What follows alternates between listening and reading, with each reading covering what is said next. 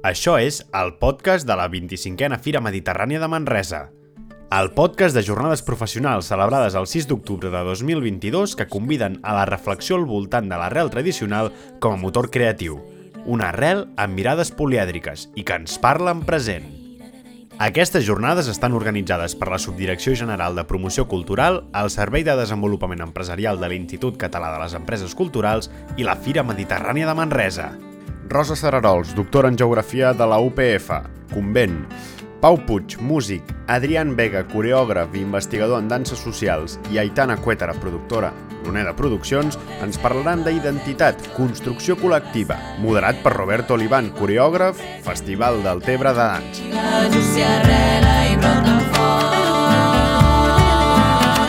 Per als que us incorporeu ara en esta taula rodona, pues això, benvingudes, benvinguts a les jornades professionals de la 25a edició de la Fira Mediterrània. El meu nom és Roberto Olivan, soc ballarí, coreògraf i director artístic i estic molt content de que m'haguéssiu convidat des de la Fira Mediterrània per moderar esta taula rodona amb persones tan interessants, tan diverses, com les que formen l'ampli ventall cultural i artístic actual, on crec, crec que el denominador comú definitivament és el vostre posicionament i pensament crític cap a una transformació social en relació amb la identitat, la gent i el territori. En aquesta ocasió, avui, la taula rodona girarà entorn al concepte de la identitat, com bé sabem, com a resultat de la construcció col·lectiva. Entenguem llavors el terme construcció com a simbologia de la creació artística i col·lectivitat com el paràmetre primordial des d'on es solidifiquen els fonaments de la nostra identitat sociocultural. Esperem llavors navegar, navegarem per aquestes connotacions conceptuals i també pragmàtiques fruit de la combinació d'aquestes dues idees i que segur ens remourà pensaments i sentiments interessants.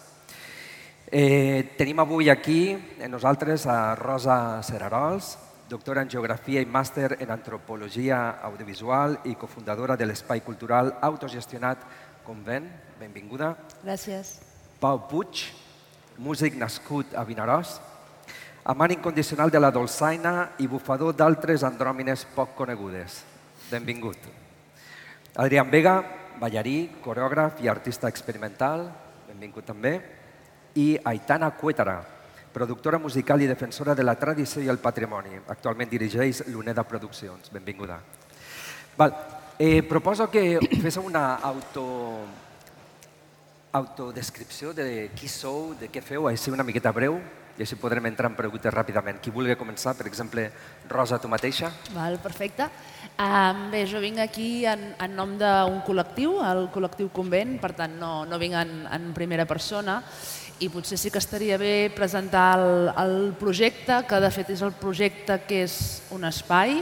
Ens hem, d'ubicar a les colònies industrials que estan una miqueta més amunt, en el riu Llobregat, i concretament nosaltres estem en un antic convent de monges, en el marc d'una colònia industrial, i en el marc aquest no, de, de, de la jornada d'avui doncs, ens hem re recodificat, mai ho diríem en, tècnicament amb aquestes paraules, no? però en el marc no, de, posar, de posar noms, ens hem recodificat transformant doncs, el que és o que va ser no? en el llegat aquest històric un convent de monges en el marc d'una colònia industrial doncs l'hem recodificat en un convent d'artistes, en una transició autogestionada, en, en, en base d'assaig i error, d'una forma molt orgànica, ja portem molts anys, amb la necessitat de, de crear doncs, un espai situat en un context doncs, on fa 20 anys no teníem una programació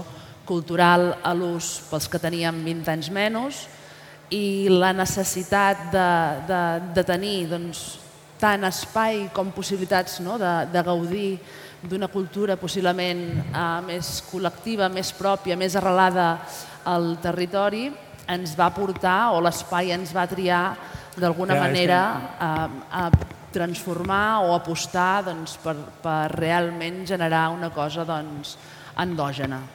En aquest sentit, en, en el marc no, de, de la tradició, venim molt emparats d'un espai doncs, marcat per, passar per pel capital.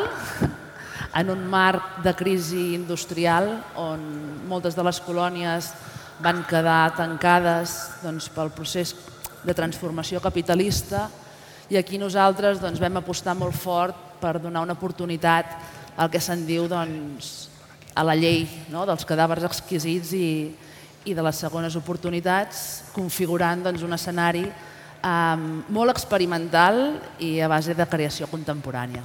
Molt bé.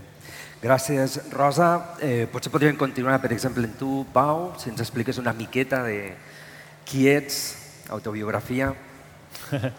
Bé, doncs, bueno, jo, jo no represento a ningú en aquest cas perquè to, toco en diferents grups i representar-lo a tots seria com bastant difícil. Eh, bé, jo soc, eh, sempre dic que sóc dolçainer, no dic mai que soc músic perquè com sóc del País Valencià i al País Valencià sempre s'ha dit que músic és el que llegeix partitures ell. O sigui, que són els músics de banda, no? I, i a mi, més que resultar-me despectiu, sempre m'ha fet molta gràcia aquesta dualitat. I els dolçainers som dolçainers i els músics són els de banda. I, ostres, m'agrada molt aquesta definició. I, I per això sempre dic que sóc dolçainer.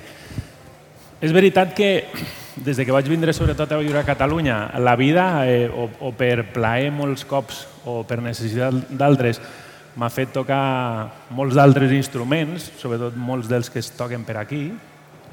I, i bé, a banda d'això, doncs, eh, tinc una activitat com a músic, eh, això que en diuen de músic tradicional, és a dir, que faig, eh, desenvolupo diverses funcions tradicionals pel carrer, plogue, neve o faci molt de sol, i, i potser el mateix dia que estic fent això per la tarda, doncs igual estic a un escenari fent, fent electrojotes amb Vavore o, o tocant eh, noves composicions eh, basades en, en l'arrel de la música tradicional amb l'OMAC o coses així. O sigui, mm, sovint, com alguns que estem aquí, eh, mm, convivim en, en no, ens etiquetem, no ens etiquetem massa en uns perfils concrets de músics i convivim en, en, en perfils i funcions super diferents, que semblen com contraposades a vegades, no?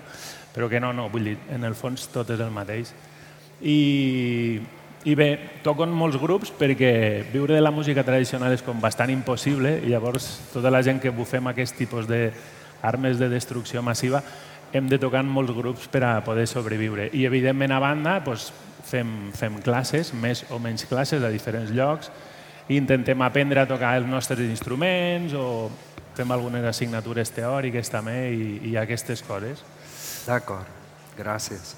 Bé, eh, que sapigueu que estem fent la conversa en català, pero podemos, si queréis hablar en castellano en algún momento, absolutamente ningún problema. Y para cuando empecemos la conversación, en cualquier momento que quisierais eh, hacer una pregunta, si vuelvo a hacer una pregunta, directamente en semi, que sea una conversa ben ágil, ben, ben oberta.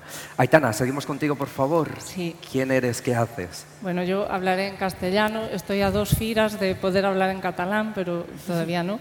Eh, bueno, yo llevo vinculada a la música tradicional toda la vida. Empecé tocando cuando era pequeña y, al final, pues con los años hice de esto una profesión. Entonces llevo dedicada al sector cultural desde que empecé mi vida laboral, hace 20 años. Y en la actualidad, desde hace ya años, después de haber pasado por otras empresas y, y por otros proyectos, pues dirijo Luneda Productions, que es como la marca bajo la que hago todo. ¿no? Y es, bueno, eh, trabajamos en booking, eh, somos promotores, producción, residencias artísticas, diferentes proyectos, pero siempre vinculadas a, la tradición, a la música tradicional, trabajo con música.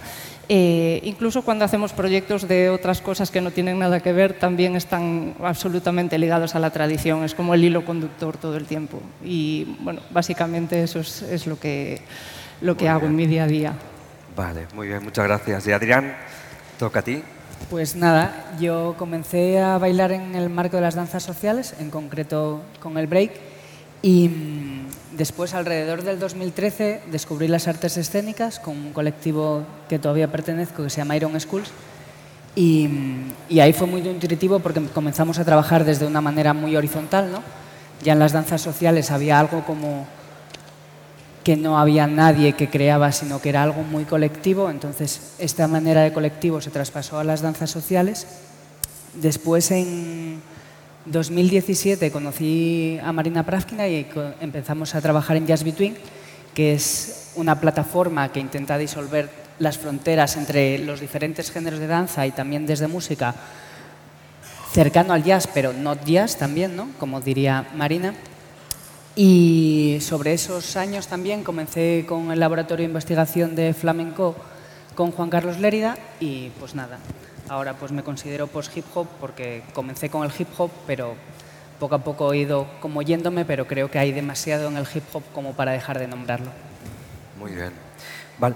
Eh, disculpeu, agrairíem, per favor, si és possible, si pugem una mica el volum aquí intern perquè sí. ens poguéssim escoltar, no, no, si poguéssim no sé, pujar sí. una mica monitors, per favor. Bé, Eh, crec que arrenquem ja en la bateria de preguntes. De fet, hi ha una pregunta en comú, de fet, una pregunta que llancem aquí. M'agradaria que cadascú de vosaltres ho poguéssiu respondre i es tracta sobre com t'atravessa la tradició i la identitat als teus projectes. No sé qui voldria començar. Por ejemplo. Vale, pues Yo la verdad es que la tradición no la tengo muy en cuenta, o sea, como que la tengo muy en cuenta, pero como para obviarla. Es decir, la escucho, intento estudiar y respetar lo máximo posible todos los meollos donde me meto, es decir, tanto en el hip hop como el flamenco, como en el jazz, como en las artes escénicas, intento como realmente entrar y conocer la historia y ver desde cómo se hace, pero la verdad es que siempre que he intentado hacer algo tal cual como se hace, me sale mal. Entonces ha habido un momento en el que dije, bueno, pues creo que la experiencia es suficiente como para ir haciendo y escuchando realmente lo que pasa y revisando esas tradiciones, porque realmente las tradiciones son algo que a alguien le salió bien a los ojos de las otras personas y se cristalizó en un momento concreto, pero que antes no existía. Entonces, pues va un poco por ahí. Yo intento trabajar mucho desde la intuición y creo que la tradición y la intuición se llevan bastante bien. Mm. Ah, interessant. Per favor, Rosa. Eh, bé, nosaltres des de, des de convent, clar, estem anclats amb, amb una tradició que queda vehiculada per, per la trajectòria històrica, no? per estar on estem, que això ens condiciona moltíssim i en aquest sentit pròpiament és un convent de monges. No? Els que heu vingut a convent o els que vindreu en algun moment a convent doncs el que seria no? l'espai mantén molt de, del que venim, que això ens ho creiem com propi i això és motor de transformació. Ara bé, dit això, per nosaltres eh, necessitem el revulsiu d'alguna manera per portar la tradició amb uns llenguatges molt més contemporanis i per d'alguna manera tenir o afegir un discurs crític a la, a la tradició. No? Venim un convent de monges amb, un, amb unes fàbriques on bàsicament la mà obrera era femenina perquè era textil, però venim d'una tradició oral explicada, no? on, per exemple, la figura de la, de la dona, siguin monges, nenes o dones que treballaven a la fàbrica, desapareixen del relat i d'alguna manera nosaltres el que volem fer o el que fem és doncs, forjar en la història aquells elements que avui en dia els hem de posar damunt la taula per, per la creació més contemporània. Per tant, la tradició sí, però per portar-la a un nivell on, on es pot discutir, on, on es pot superar i d'alguna manera el que ens interessa a nosaltres moltíssim és la creació contemporània però interdisciplinar. Per tant, sí que hi ha moltes coses que, que, que ens convencen d'allà on som i d'on venim, però bàsicament per transformar-ho en un altre espai, no? un espai contemporani on tots i totes um, estiguem a gust. M'agradaria afegir que això no és ben bé respondre't a la pregunta, però en el cas de la Catalunya central o en el cas on nosaltres estem, eh, molts cops quan, quan es parla no, de, de tradició, um, surten, surten molts estigmes. Per exemple, a nivell cultural, on som nosaltres que fem una cultura molt més arriscada, tenim el hàndicap d'estar al costat de Berga, on la tradició és Patum.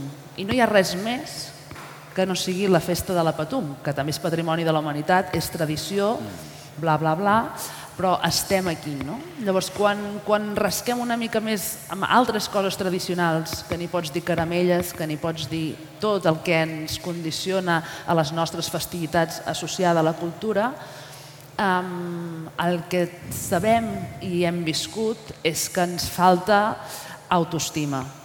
I aquest motor cap a l'autoestima d'allò propi és el que hem de treballar no? per, per sentir-nos a gust uh, d'allà on venim i del que hem fet per, per seguir treballant no? i dotant-lo d'un llenguatge més contemporani. Però el tema de l'autoestima crec que és central també per entendre a vegades les reaccions a favor i en contra d'allò tradicional.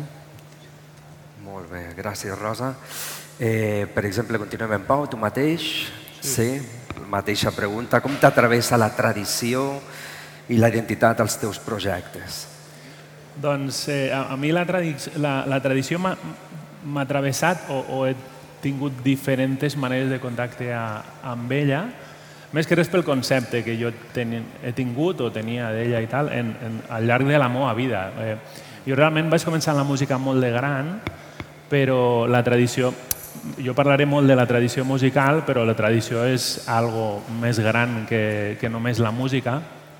I llavors, des de petit, pel meu entorn, eh, sí, sí que vaig tenir un contacte bastant, bastant directe amb, amb moltes tradicions, eh, per l'entorn familiar, per l'entorn del poble on vivia, pels pobles rurals que envolten el meu poble, que, és, que han mantingut sempre unes tradicions molt fortes.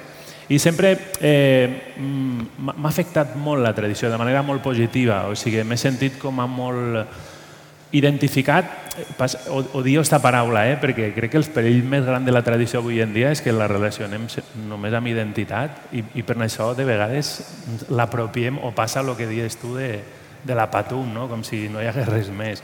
O les sardanes d'aquí, les jotes d'allà, això són, bueno, això són interessos no? per crear una identitat concreta i, i, i s'utilitza la, la tradició com a ferramenta per aconseguir-ho. No?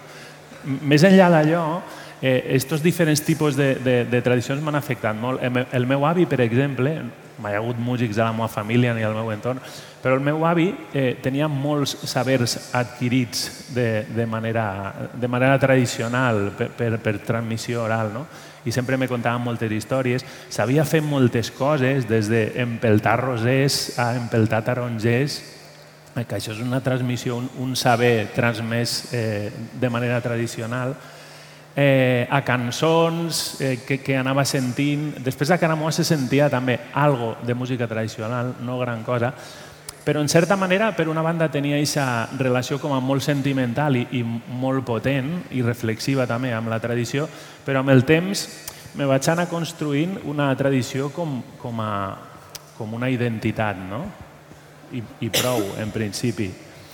Llavors, després va vindre el tema de la música, que va ser una cosa puntual, eh, una cosa casual. Primer vaig començar tocant a una banda, mm, no m'hi vaig trobar còmode ni identificat, ho vaig deixar, i després vaig començar en en, a, a tocar la dolçaina per casualitat. I llavors ahir va ser quan, quan la tradició, ja musical llavors, se va convertir en una herència per una banda, però, però també per a mi la tradició llavors era tocar melodies. La, la, la tradició i la identitat estava en les melodies que no deixen de ser més que la superfície de les coses, les melodies. Hi ha moltes coses a sota de les melodies, molts codis que mantenen i sostenen la música tradicional. I durant molt de temps, eh, la música tradicional per a mi va ser això, tocar la, aquesta melodia d'aquí, aquesta melodia d'allà, que és tradicional o popular o no sé què, anònima, totes aquestes coses, no? Després, amb el temps, te vas fent gran, vas coneixent sobretot gent que pensa unes altres coses, eh, i sobretot vas coneixent gent que fan música sense ser músics, que n'hi ha molts d'estos. Sobretot són gent gran, gent que toquen i no saben el que fan, eh, el que fan és supercorrecte i és el codi correcte del palo que estan tocant, però ells no t'ho sabrien ni explicar perquè ho han mamat i no necessiten aquesta teorització, aquesta explicació, ningú els ho va ensenyar. No? Eh, de conèixer gent que té aquests perfils tan peculiars, aprens que la música tradicional no són només les melodies aquestes que toquem, que si la muixaranga, que si el ball de bastons de no sé on i, i totes aquestes coses, que després, amb el temps, moltes d'aquestes coses se desmitifiquen i resulta que de tradicionals no tenen res i tenen quatre dies o les va escriure algú i, i ja està, no? Però, eh, i llavors comences a interessar-te pels, pels codis que hi ha. Jo, per exemple, vaig tocar durant molts anys jotes i en realitat, i això mos passa a molts músics, i en realitat no tenen ni idea del que és una jota. Eh, amb el temps això te'n te vas adonant i, i llavors és quan el concepte de tradició canvia una mica. La tradició ja no és allò, allò de, ostres, la tradició que identifica la població de Vinaròs, perquè té la jota de Vinaròs i els de Benicarló tenen la jota de Benicarló, que és diferent, se vesteix diferent, se balla diferent, totes aquestes coses, que aquestes diferències tenen quatre dies i són interessades també, no? Eh, i, I comences a, a, a, com a te, te van caent com, a, com al castell, no? se van sorrant una mica al castell, i te n'adones que bé, darrere d'esta música hi ha una sèrie de coses amagades eh, bueno, que són els, els codis o, o, o l'esquelet o l'ADN, si vols dir-li, de cada un dels gèneres, que malauradament aquí sobre a Cata jo, jo parlo de Catalunya i País Valencià, moltes vegades els músics no, no els coneixem o no els coneixem lo suficient. No? Eh, i, bé, i, I per això va canviar una mica la, el meu concepte com, com de tradició. No? Han hagut com, com a tres etapes. Ara de fa un temps, però això, fa, fa molts anys que estic investigant en, en música tradicional, però pel meu compte, eh, per, per, per entendre-la i ja està, sense ànim de, de res més. I, i bé, mm, estic en el tema este de, de ja no només tocar melodies, la melodia és una mica el de menys i veure que hi ha per sota que fa que tal cosa sigui tal cosa i tal altra sigui tal altra. No? I, i, I llavors, a partir d'aquí, pues, penso que ja pots fer una mica el que vull, que moltes vegades és el que faig. Eh? Vull -huh. dir, que no, no, no sóc purista ni, ni, ni, ni aquestes coses, però m'ajuda molt eh, a entendre els codis de les coses per després saber el que estàs fent i a partir d'ahí pues, pots conviure amb la gent o pots, pots rebentar els codis si, si vols, ¿no? Molt bé, molt bé, molt bé. Aitana, creo que también para ti la identidad y la tradición está presente en tus proyectos. Los proyectos, en la vida, en todo. ¿no? Es que a veces tengo la sensación de que, de que hablamos de tradición como si fuese una cosa así, que cogemos y ponemos una cosa que estaba en otro sitio y la traemos aquí y hacemos cosas con ella, que en plan me gusta, pues la voy a usar. Y al final estamos hablando de identidad que es como, como una constante. O sea, no hay nada que yo haga en mi vida, pero no solo... Eh, en la música, en, en, mi día a día, que no esté eh, vinculado a todo eso. ¿no? Al final es eh, cuando tenemos claro, más o menos claro, quiénes somos, cuál es el entorno que nos rodea, de dónde venimos, de dónde aprendemos, eh, todo lo que haces en la vida es, es así, no tiene, ¿sabes? No es algo que, ah, está esto aquí y lo traigo, esta grabación del año 52 que me encanta y la reinterpreto. Al final es como una línea continua eh, que seguir, ¿no? de tradición oral, de sabiduría popular que llega a nuestros días. Ahora está claro que todo es muy loco, que es más difícil, ¿no? porque tenemos mucha información que nos viene de muchas partes, no es solo esa cadena, ya la cadena es más difícil de seguir así, ¿no? de esa manera, pero siempre fue permeable. ¿no? Antes comentaba Raúl que a partir de ya de los años 30, 40, que venían las músicas de la emigración, que la gente escuchaba la radio, que empezaba a ver información en Galicia con el Camino de Santiago, llegaban cantidad de cosas de fuera, o sea, siempre es permeable eso, no es una cosa pura que esté ahí, que no sé, eso no existe, ¿no? Pero aunque vaya evolucionando y aunque podamos ir metiendo cosas en esa línea o sacando cosas de esa línea y transformándolas, es una constante, no es algo que sacamos de un museo y lo ponemos ahora, lo reinterpretamos. ¿no? Entonces, en todo, absolutamente lo que yo hago y pienso y sueño, está la identidad del lugar del que yo vengo. ¿no? Pues, bueno, va más por ahí. Muy bien. Eh, començaria també, en, tinc una curiositat, tu sent doctora en geografia, en quin moment de la teva vida se't va despertar la curiositat pels temes artístics? La meva curiositat Què, va? perdó? En quin moment se't va despertar la teva curiositat pels temes artístics? Mm, vale. Jo crec que en realitat va, va tot una mica, una mica junt, però va anar tècnicament separat. Clar, jo, jo em vaig formar en geografia i em vaig doctorar. Um, aquí faig un, obro un parèntesi. Um, també hi ha un imaginari sobre la geografia, que és l'imaginari de l'escola del pintar i colorear, no? I la geografia com a coneixement ens interpel·la a l'habitar i per tant és tot el que fem no? en, en el món on, on vivim. I jo em vaig especialitzar en, en geografia cultural. Al mateix temps, en, arrel de, de, la, de, de formacions paral·leles que jo havia fet, a part de, de l'acadèmica universitària, i en, en, en sentir-nos interpel·lats amb el projecte de convent arriba un moment que, que els camins s'acaben trobant, no? I mm. això és una mica on, on estic jo ara, doncs, que projectes de recerca es vehiculen sobre, sobre necessitats reals que, que observo sobre la necessitat de pensar en conceptes com en geohumanitats o geocreativitat, no? que es posa una mica la importància del lloc, de l'espai, de la geografia, en, en l'explicació del relat cultural, en el discurs i també en, en, en la creació, no? perquè molts cops la creació es vehicula com si fos un bolet, no? pam, no? la tradició. Però, esclar, les tradicions canvien en el temps, evolucionen, no? el que estaves comentant, però també és veritat que les tradicions, com ens relacionem amb els instruments, amb la literatura, amb el teatre, canvien en funció del nostre context cultural. No? I el nostre context cultural no deixa de ser les relacions que tenim la societat amb l'entorn, amb el territori. No?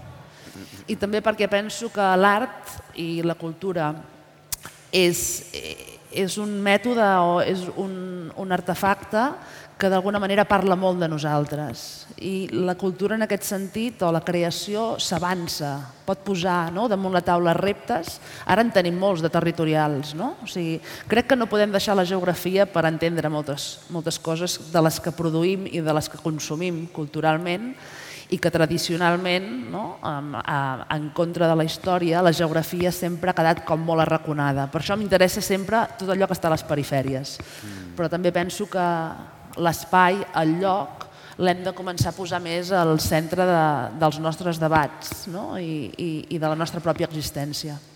Bé, bé, bé, bé, bé. Eh, en qualsevol moment, si sentiu que voleu fer una pregunta a algun altre, endavant. Eh, Adrián, es curioso porque acabas de decir que la tradición, para obviarla, me llama la atención eso, porque precisamente quería preguntarte a ti, como artista experimental que te defines, ¿qué importancia tiene la tradición a la hora de crear? Y si hay algún anclaje histórico que te catapulte, que te lleve más allá claramente en la línea creativa, o por el contrario, lo que necesitas es, desde este presente inmediato tuyo, para responder a las reflexiones que, que, te, que te, llevarán a la creación. Un segundo, ¿eh? Un segundo. Digiérelo. Vale, creo que, o sea, yo tengo la tradición como casi sinónimo de herencia, ¿no? Entonces, por ahí, también en el trabajo que estoy haciendo, diferencio entre herencia pública y herencia privada. Entonces, la herencia privada es algo que nosotras decimos, vale, esto nos pertenece. Y la herencia pública sería como algo de, venga, pues nos pertenece a todas, la podemos compartir. ¿Qué pasa? Que yo pensaba que cuando comencé a bailar, y sobre todo cuando era adolescente, crecí con esta idea de Europa, globalización, todo súper guay, pum, pan, sin fronteras. Claro, luego entiendes que hay fronteras más allá, ¿no? Pero tengo algo muy marcado que fue como ver a Will Smith comiendo espaguetis. Entonces entró el hip hop en mi vida así como, ¡pum! A los nueve años ya viéndolo por la tele. Y dices, ah, qué guay. El problema es cuando llegas a los 24, traes a una de esas leyendas como buen estudiante, venga, pues voy a coger a esa gente que lo hizo, de las primeras generaciones, lo traigo, convives un mes con esa persona y cuando ya tiene confianza, pues te suelta un pequeño detalle que explota todo. Y en ese momento me dijo como de, bueno, pero Adri, tú sabes que en Europa no es lo mismo el hip hop que en Estados Unidos. Y claro, dije, bueno, no es lo mismo, pero sí, ¿no? Mm. Y no. Me dijo, ¿el flamenco en España es lo mismo que en Japón? Y dije, entonces como que entendí ese cierto matiz y me hizo como por primera vez plantearme lo que era la apropiación cultural. Mm. Entonces, claro, a partir de ahí es como, vale, sí, guay. Yo intentaba hacer lo que ellos hacían, pero nunca voy a llegar a hacer lo que ellos hacían porque para ellos, nosotros, porque es ellos y nosotros, estábamos copiando y éramos una reproducción que sí, que les sirve como negocio o no, depende de cómo se quieran poner, pero que no nos pertenecía. Es decir, que la herencia era privada y que hay ciertas personas que la podían hacer y otras, por cómo habíamos nacido y dónde habíamos nacido, sí, pero no. Muy interesante el punto este de este concepto de la herencia pública y la herencia privada. Eh, de hecho, empiezas, a nombrar ahora los términos como Eu- Europa y de eso me deriva también a otra pregunta que tenía para ti, Aitana, y era sobre la localidad o la globalidad. ¿Tú crees que ha funcionado esta idea romántica de la globalidad o puede ser que estemos viviendo una reacción y por eso nace el concepto de la localidad? A ver, esto yo creo que enlaza con justo lo que estaba diciendo antes. Yo creo que cuando sabes quién eres, puedes hacer lo que te dé la gana, en realidad. ¿no? Entonces, ahora todo, tal y como es el mundo, que tenemos información de todo tipo, de todas partes del mundo, que cogemos aviones, vamos, venimos, no sé qué, todo este intercambio tiene un montón de cosas positivas, también tiene un montón de cosas negativas, que es que cada vez se, se ve como más eh, se rompe esa cadena de la que hablábamos antes, ¿no? se rompe esos conocimientos que vienen de la tradición oral y que, bueno, que a mí me parecen eh, súper necesarios y que no deberíamos perder nunca, ¿no? porque es lo que hace que seamos como somos. Eh, si al final, o sea, somos conscientes de todo eso, o sea, cualquier cosa que nosotros podamos traer de fuera o que podamos llevar y que vuelva y que se transforme y que cambie y que regrese a nosotros, eh, todo me parece bien en realidad, ¿no? pero sin perder nunca la perspectiva, yo creo, de, de quiénes somos y por qué somos así y de, de dónde viene todo esto y quién era nuestra madre y nuestra abuela y nuestra bisabuela y, y todo lo que ellas nos enseñaron. Creo que, que esto es lo importante. ¿no? Yo siempre pienso en local, al final no tengo como esta, esta visión tan, tan del mundo entero a veces, ¿no? siempre me gusta pensar en local por, por muchas cuestiones ya también de sostenibilidad y, y demás, pero... Pero bueno, no sé, es complicado esto, ¿eh? Es, no sé, es Però una tiene mucho complicada. sentido lo que dices. Pau, este, vaig saltant a un altre tema una mica lligat a tot això, però estem parlant també del vincle en lo territori. I tenia la curiositat per a tu per preguntar-te quin és el vincle per a tu en la gent. El vincle per a mi... En la gent. En la gent. En la gent del meu territori, en, en general, o... Eh, en diferència al vincle en lo territori, com a concepte de territori, per a tu quin seria el vincle en les persones, en la gent, en l'individu, l'un a un, el cara a cara. Mm, Però vols dir, o sigui, com, com a músic, o sigui, músic i la gent, la gent que t'escolta, o la gent del meu entorn? O... Músic, com a músic compositor, com a creador. Bueno, eh, el, bueno, el, el vincle que tinc en la gent és, ve molt condicionat, per exemple, per, per lo que li has preguntat a ella, no? per quina relació té en el món de l'art i tal. Jo, jo, per exemple, el concepte art no, no, no, no m'hi sento gens identificat i no l'utilitzo mai en la meva vida, o sigui, no, no, no faig una cosa pensant, pensant en l'art. Jo faig música mm, sobretot perquè la comparteixo amb la gent i perquè m'ho passo bé, eh, m'emociona fer allò. De vegades no. Jo faig molta música funcional també i de vegades bueno, la, molta, la música funcional la fas perquè has de desenvolupar una funció. O sigui, aquest concepte no existeix ni de lluny. No? De fet, en la música tradicional el concepte art ha existit. O sigui, si, si, si apliques el concepte art a la música tradicional, deixa de ser música tradicional segurament, no? perquè es converteix en una categoria bastant com a diferent. La gent que ha fet música tradicional mai ha tingut aquest concepte al cap, mm, penso jo. Eh?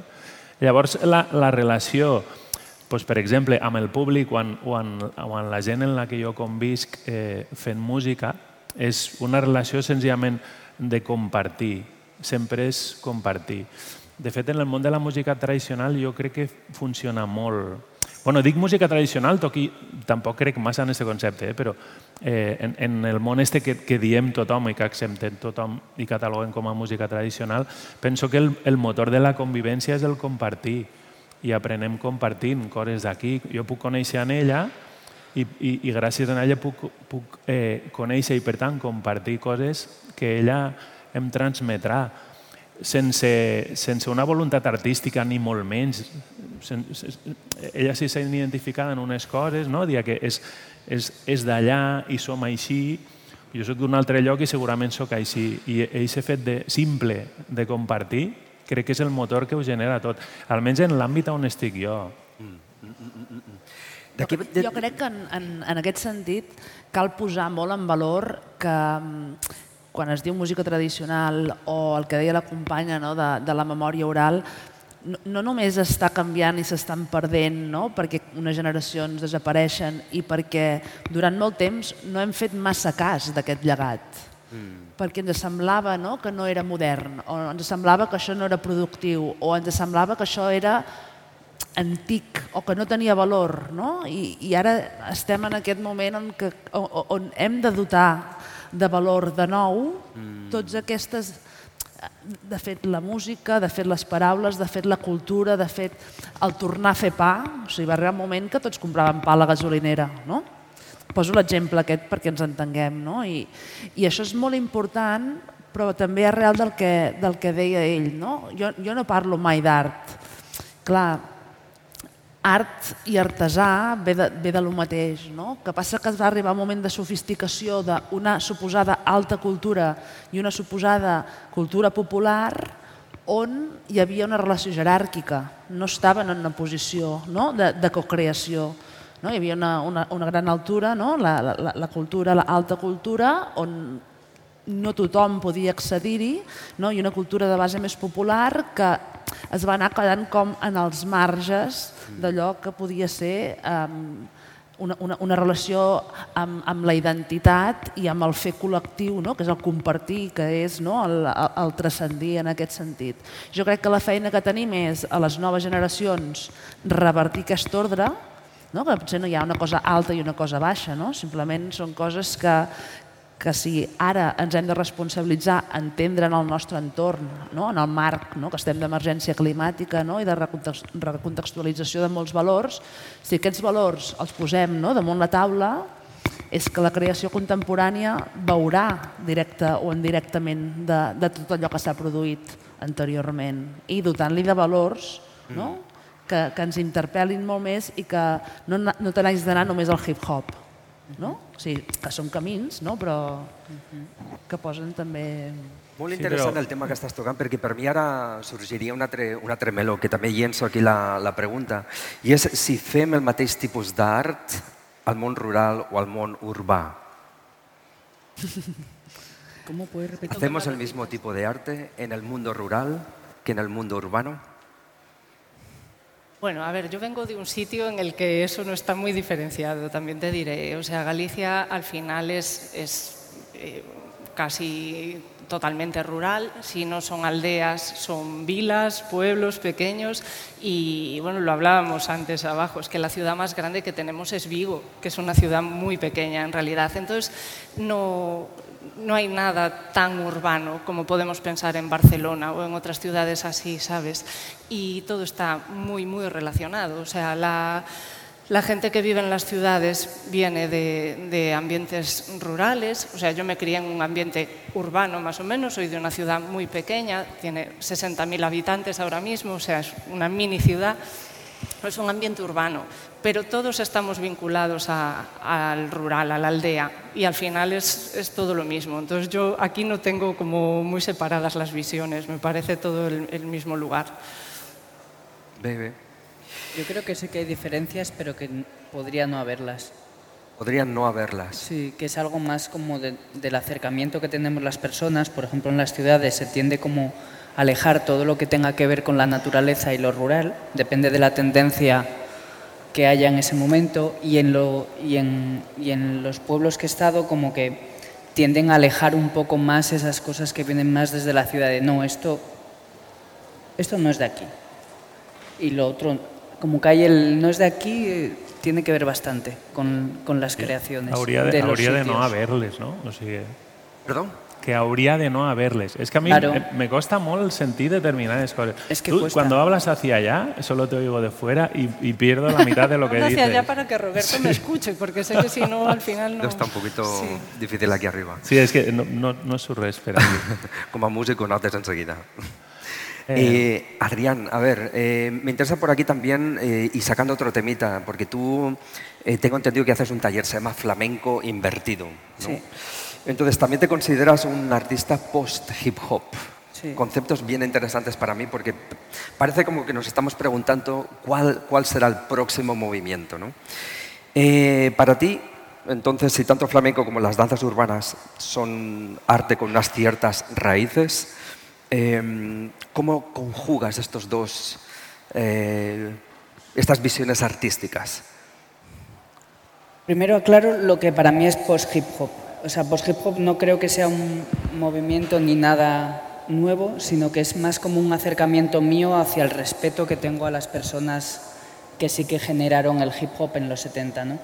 Entonces, como siento que parte de mi herencia sí que me pertenece porque he estado muchos años dentro del hip hop y tiene que ver demasiado con lo que hago ahora, el omitirlo sería como, de alguna manera, como coger algo que no me pertenecía, obviarlo y denominarme artista contemporáneo, que sería súper fácil. Pero creo que post-hip hop es porque el hip hop tuvo tanta importancia que todo lo que ha venido después viene condicionado de esa visión que adquirí en la adolescencia. ¿no? Y después lo de flamenco invertido viene, es como un pequeño riachuelo del flamenco empírico de Juan Carlos Lérida. Él tiene su visión muy empírica y muy experimental de que el flamenco lo aprendes desde la experiencia y desde el vivir popular y colectivo y que en todo hay flamenco, depende de cómo lo acabes de ver.